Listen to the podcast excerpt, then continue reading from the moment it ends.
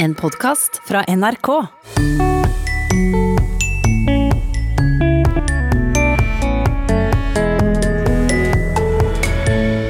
Metaforer bygger bru mellom det kjente og det ukjente, og i krisetid En er de derfor fra NRK. å ha. Så når vi nå f.eks. står i en veldig ukjent tid, så kan metaforen dermed gi oss en forståelse av hva er det dette her krever av oss, og hva slags type situasjon er dette egentlig. Men hvilke metaforer har vi fått inn i denne nye fasen av koronakrisen? Og har du hørt om en duldæsj, eller en dullerutt, eller en fjutt? En sånn ospesifisert dings. en Dippedutt. Og det kunne være artig om folk kom komme med de her dippedutt-orda sine. Ja, den oppfordringa kommer vi tilbake til i slutten av Språkteigen i dag. Vel møtt! I slutten av mars prater vi om retorikk i krisetid her i Språkteigen. Om hvordan valg av ord kan være avgjørende for hvordan folk velger å handle.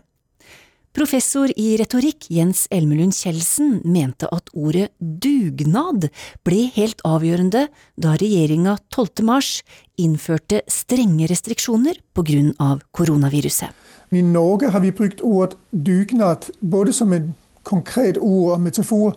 Og dugnad betyr at det ikke bare er Erna Solberg sitt ansvar, det er ikke bare helsemyndighetens ansvar. Det er vårt alles ansvar. Og alle må gjøre noe.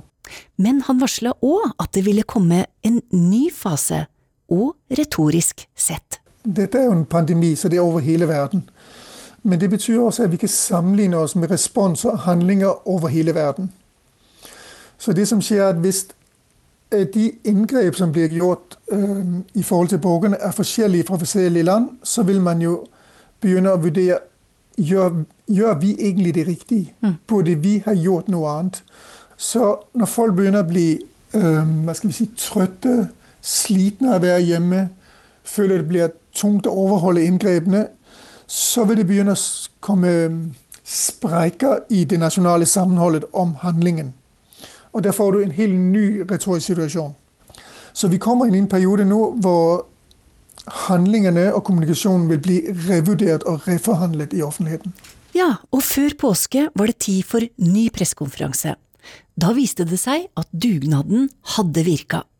Og da kom det nye ord, eller det vi skal se nærmere på i dag, det kom nye metaforer. Magnus Hoem Iversen, du er postdoktor i medievitenskap og strategisk kommunikasjon ved Universitetet i Bergen, og du har merka deg talene til tre ministre fra pressekonferansene før påske. Helseminister Bent Høie, statsminister Erna Solberg og statsminister i Danmark Mette Fredriksen. Og hvilke metaforer brukte dem for å ta folket inn i den nye fasen med fortsatt strenge restriksjoner, samtidig som det åpnes for annet barnehager og de minste klassetrinna? Bent Høie, helseministeren, han eh, tok oss med på fjelltur. Mens eh, statsministeren vår, eh, Erna Solberg, hun eh, tok oss med på fotballkamp. Eh, mens Mette Fredriksen i Danmark hun snakka om å balansere på en line. da. Ja, og vi skal høre mer om det, men først, hvorfor gripes det til metaforer i krisetider? En av styrkene til en, en god metafor, det er jo at en god metafor kan koble noe ukjent med noe kjent. Og, og dermed kan metaforen på en måte lage en bro mellom eh, noe vi ikke vet så mye om, og noe som er kjent og kjært. Eh, så når vi nå f.eks. står i en veldig ukjent tid, der det er veldig mye usikkerhet, så kan metaforen eh, hjelpe de som skal sette, definere situasjonen, til å koble det ukjente med det kjente. Og dermed gi oss en forståelse på en måte av hva er det dette her krever av oss, og hva slags type situasjon er dette egentlig. Men hva slags kraft er det de har, da, som kan få en hel nasjon til å gå i flokk?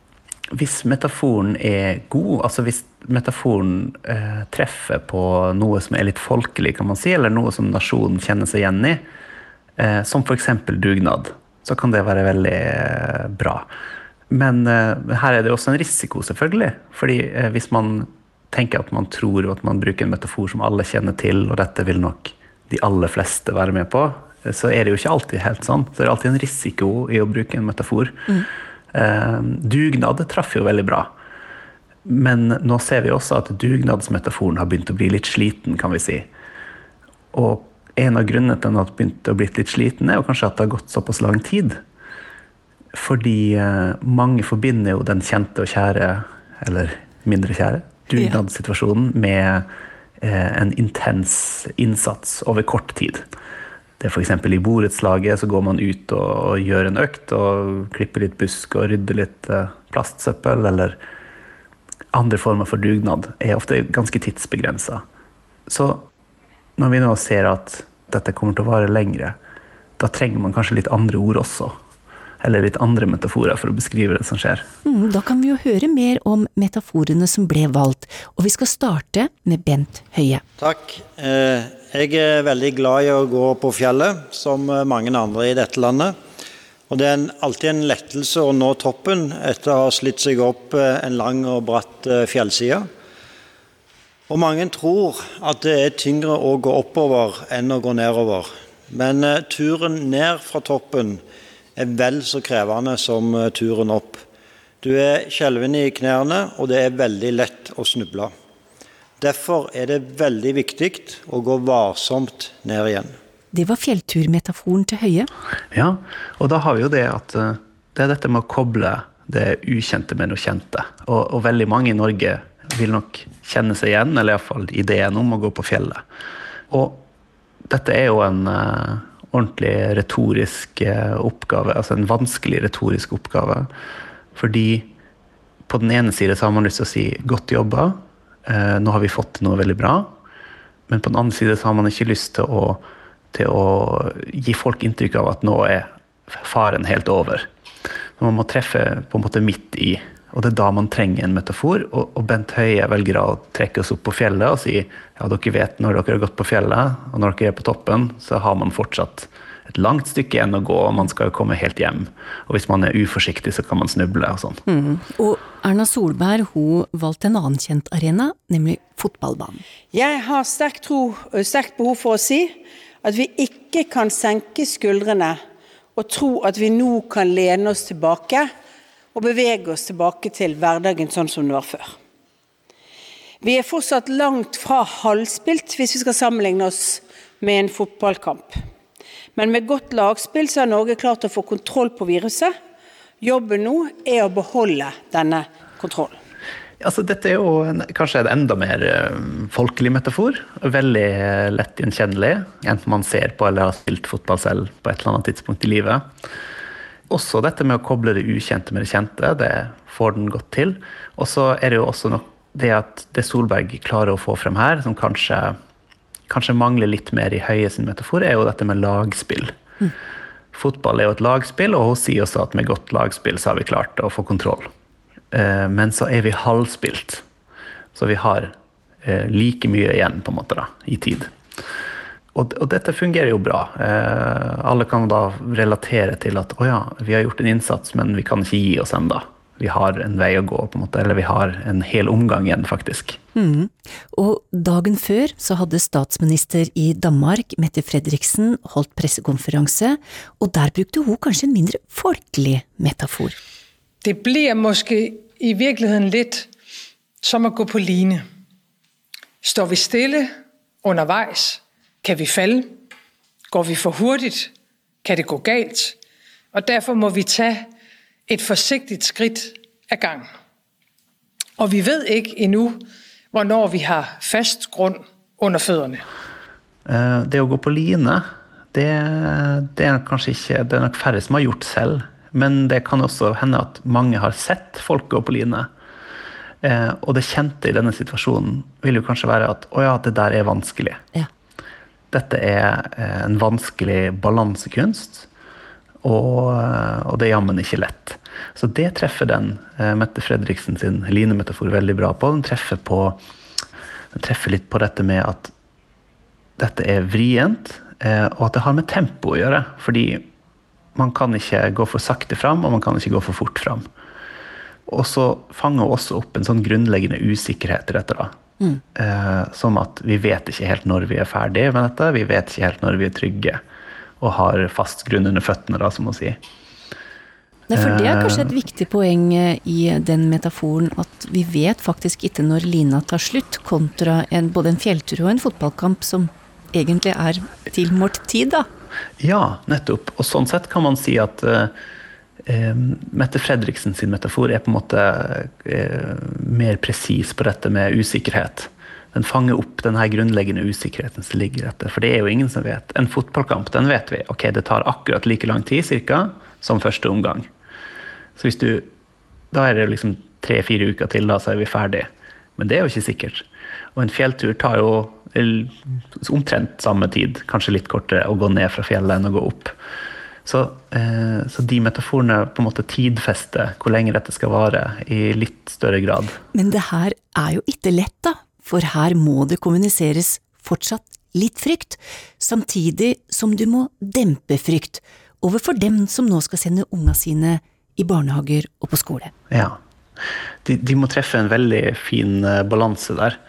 Og, og uh, en ting som kanskje er litt interessant, det er jo at hvis det viser seg at uh, man har skapt for mye optimisme, f.eks., mm.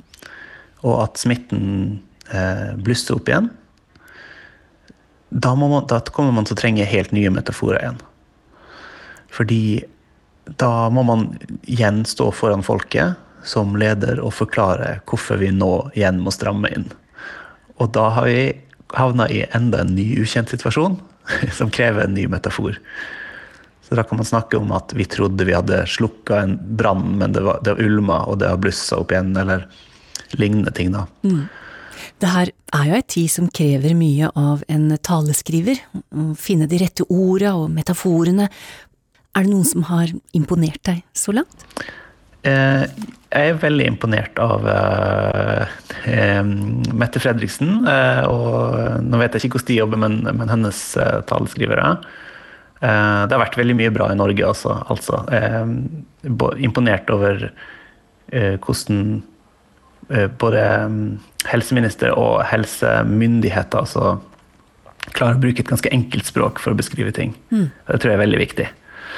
Eh, men hvis vi skal gå til min personlige favoritt, så, så har det vært Danmarks statsminister Mette Fredriksen. Fordi hun, altså hun evner, har evna å sette ord på ting eh, på en veldig god måte, syns jeg personlig. Og har bra taler? Har bra taler. Eh, hvis man leser de manuskriptene, så er de veldig gjennomarbeida. Så de, de evner på en måte å gi den informasjonen de skal, men de er skrevet på en måte som gjør at folk husker visse formuleringer. Eh, sånn som dette om at nå skal vi holde sammen ved å holde avstand, f.eks. Mm. Det er en veldig god formulering. Det er en kontrast. Uh, og en ganske sterk uh, og fin kontrast som, som, som, folk husker. Det fester seg til minnet, rett og slett. Og det er jo det som er kunsten i å skrive en god tale, er å skrive formuleringer som folk husker som på en måte oppsummerer hele budskapet. Som blir stående igjen. Altså à la Martin Luther King, I have a dream. Uh, Churchill, We will fight them on the beaches, osv. Hvis man klarer å få inn noen sånne gode språklige formuleringer som fester seg på minnet til folk, at det er det, er det vanskeligste du kan gjøre som taleskriver, men det er også det viktigste. Og, og, og der syns jeg Mette Fredriksen treffer bra, altså. Mm. Så da får vi se, da, hvor lenge vi klarer å holde sammen ved å holde avstand og følge både krisa og retorikken videre. Ja. Takk til deg, Magnus O.M. Iversen, som er postdoktor ved Universitetet i Bergen. Og som du kanskje hørte, som så mange andre, var han òg på hjemmekontor.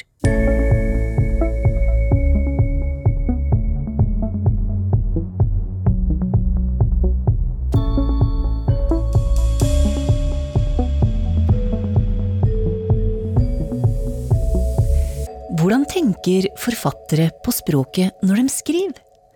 Alle er jo opptatt av det, men hvordan de bruker det, er mer personlig. Vi har hørt flere forfattere fortelle her i Språkteigen om sitt forhold til språk. Og i dag skal vi møte Ellen Emerense Jervel, som debuterte med romanen Fjellfolk i 2018.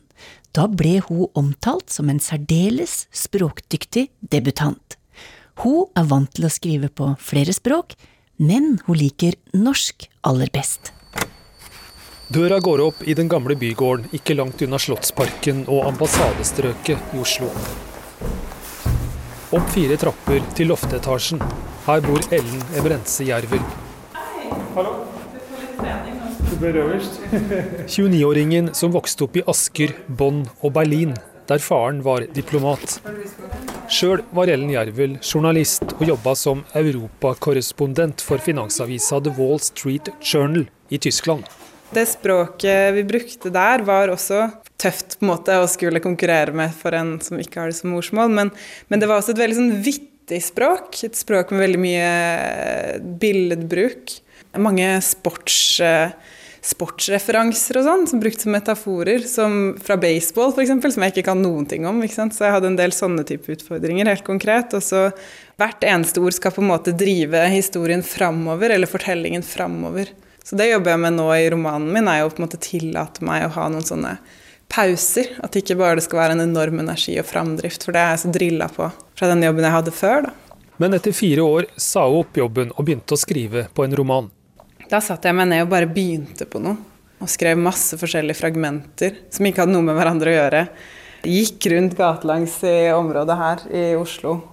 Prøvde på en måte å spinne videre, komme på scener, og til slutt så prøvde jeg å få det til å henge sammen. Så jeg printa ut alt og la arkene utover hele gulvet, og så om jeg kunne få til en rekkefølge eller en slags fortelling. da. I 2018 debuterte 27-åringen med romanen 'Fjellfolk'. Den unge forfatteren ble omtalt som en særdeles språkkyndig debutant. Ja, det er jo selvfølgelig veldig hyggelig når andre er enige, da. Er, man vet jo aldri om det man gjør på en måte bare høres fint ut inni ens eget øre.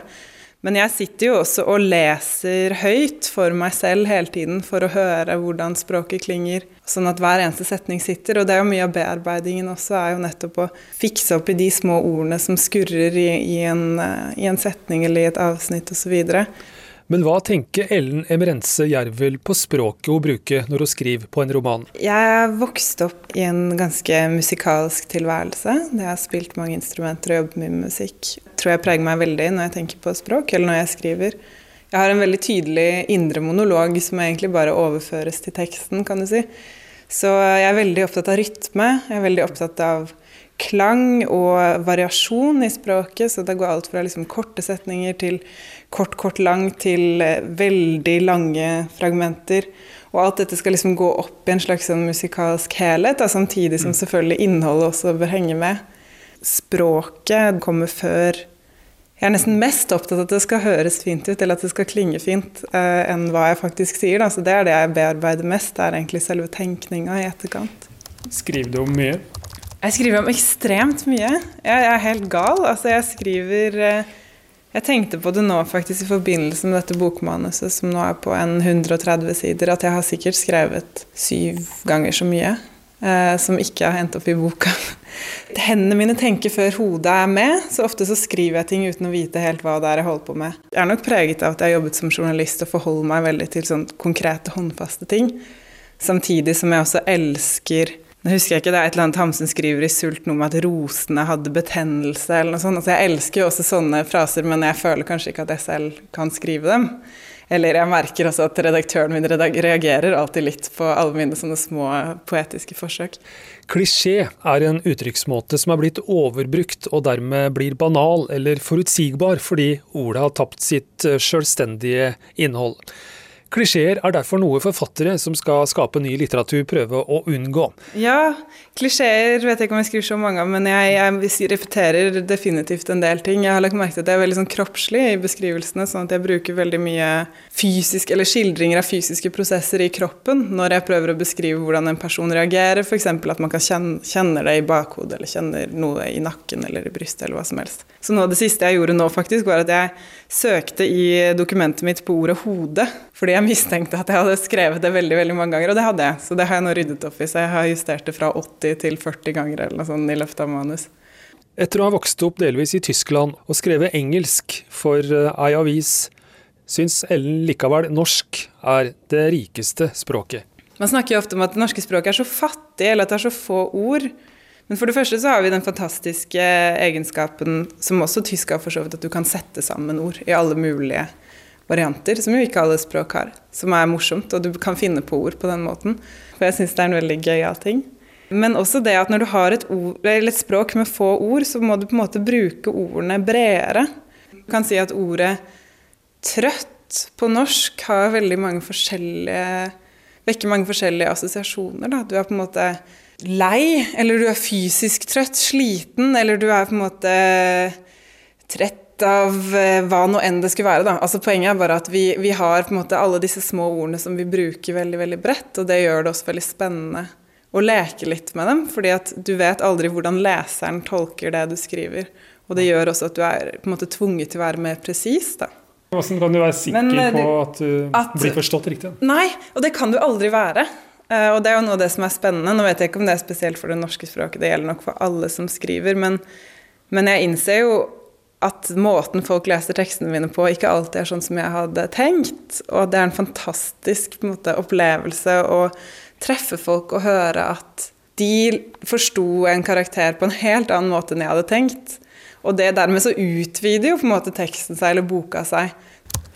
Sjøl om forfatteren er født i 1990, skriver hun ikke spesielt ungdommelig, sier hun sjøl. Jeg prøver i hvert fall å holde meg til noe ganske sånn eh, klassisk bokmål. Jeg skulle jo mye heller skrevet på nynorsk, egentlig, men det kan jeg dessverre ikke så veldig godt. Men, eh, men bokmål helt eh, klassisk og mest mulig tidløst innbiller jeg meg da, at jeg prøver å tenke språklig. Veldig få sånne um, moderne vendinger, med unntak av selvfølgelig dialogene, som er nødt til å føles realistiske. Så de er nok veldig muntlige igjen, og veldig sånn som jeg opplever at jeg snakker med folk jeg kjenner, eller at mine venner snakker med hverandre. Så der er det en viss variasjon, da. Men egentlig tror jeg nok at uh, eller jeg håper at bøkene mine også kunne vært skrevet av en 90 år gammel dame. Det hadde i hvert fall vært eh, fint. Det sa forfatter Ellen Emerense Jervel. Reporter var Stein S. Eide.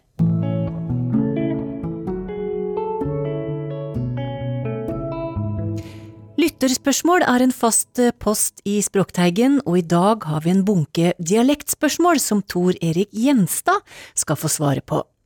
Det første er fra Olav M. Holen. Han lurer på hva H-ballen betyr, altså tida mellom våron og slåtton.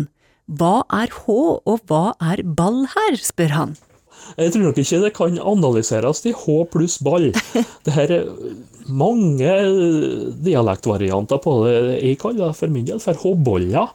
Og det er ganske riktig tida mellom vårene og slåttene. Som plasser kan det òg være sagt om tida mellom eh, slåttene og skorånd. Eh, så det, det, det, er en sånn mellomperiode. Det er ikke belagt i norrønt eh, direkte. Og det er mange forskjellige tolkninger av det. Eh, som plasser sier de Håvoll. Og ser det har vært tolka som at den tida volden står med H, men det er jo ikke rett, fordi at eh, H-a kommer jo først etter. ja. Etter at du har slått først gangen, så det, det, stemmer ikke helt. Uh, nei, så det er usikker etymologi. Uh, det finnes et gammelsvensk ord, havall eller havfall som betydde høst, som de har prøvd å koble det sammen med. Men uh, ingen sikker etymologi på det der.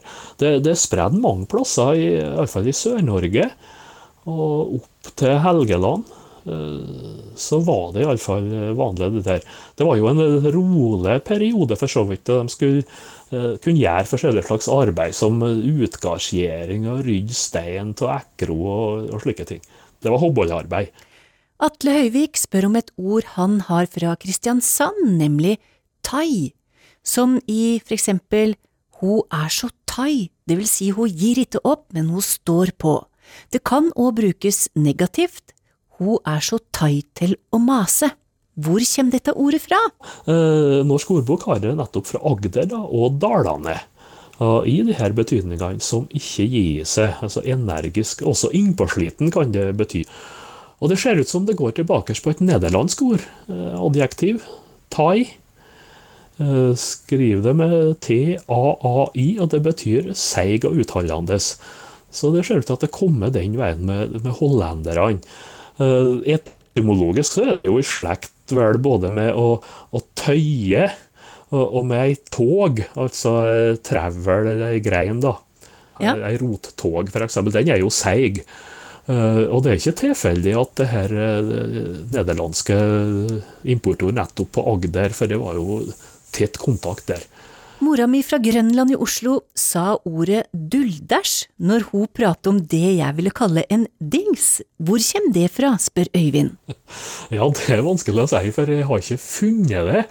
Uh, altså ikke det materialet jeg har tilgang til, og kikka litt på nett og uh, rota litt rundt. Men uh, det, slike ord kan være nokså individuelle, selv om en skal være forsiktig med å påstå det. Men det er mange slike, for en sånn ospesifisert dings, dippedutt.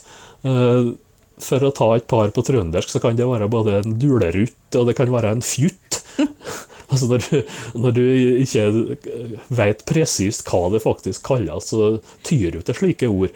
Og Det kunne være artig om folk kom komme med de her dippedutt-ordene sine. Ja.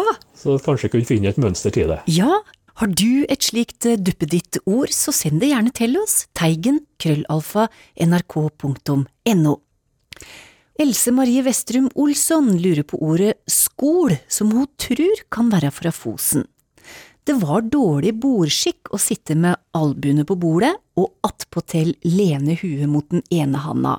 Da brukte mora hennes uttrykket skol i hauet. Men hvor kommer dette fra? ja, eh, hvis en slår opp jordbøker, så vil du finne det under skorde. Eh, så det er å skol, eller å skor, eh, som jeg sier. Og eh, mitt område så var det advart mot at du må ikke, må ikke sitte og skore porkhus. altså det betyr å støtte opp.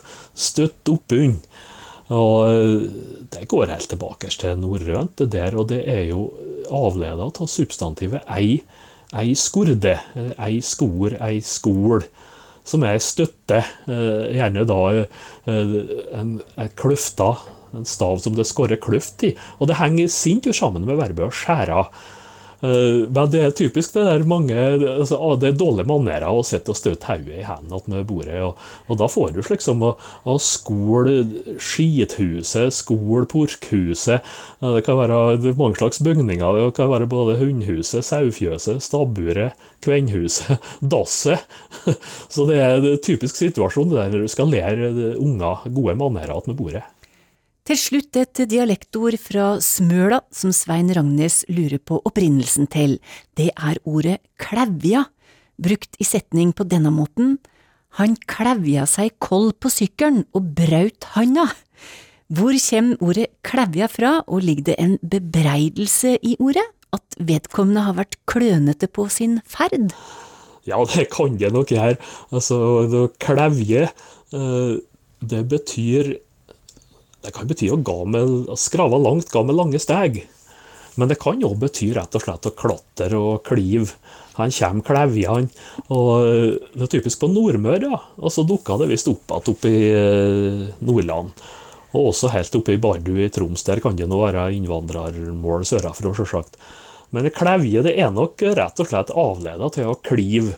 Og så kanskje en litt sånn uh, kraftig og brutal nyanse i det. Og gjerne litt nedsettende. Det er ikke noe estetisk når det kommer klevjer. Takk til deg, Tor Erik Gjenstad. Det ble siste svar i dag. Har du spørsmål, send dem til eh, teigen krøllalfa nrk.no. Vi høres. Ha det bra.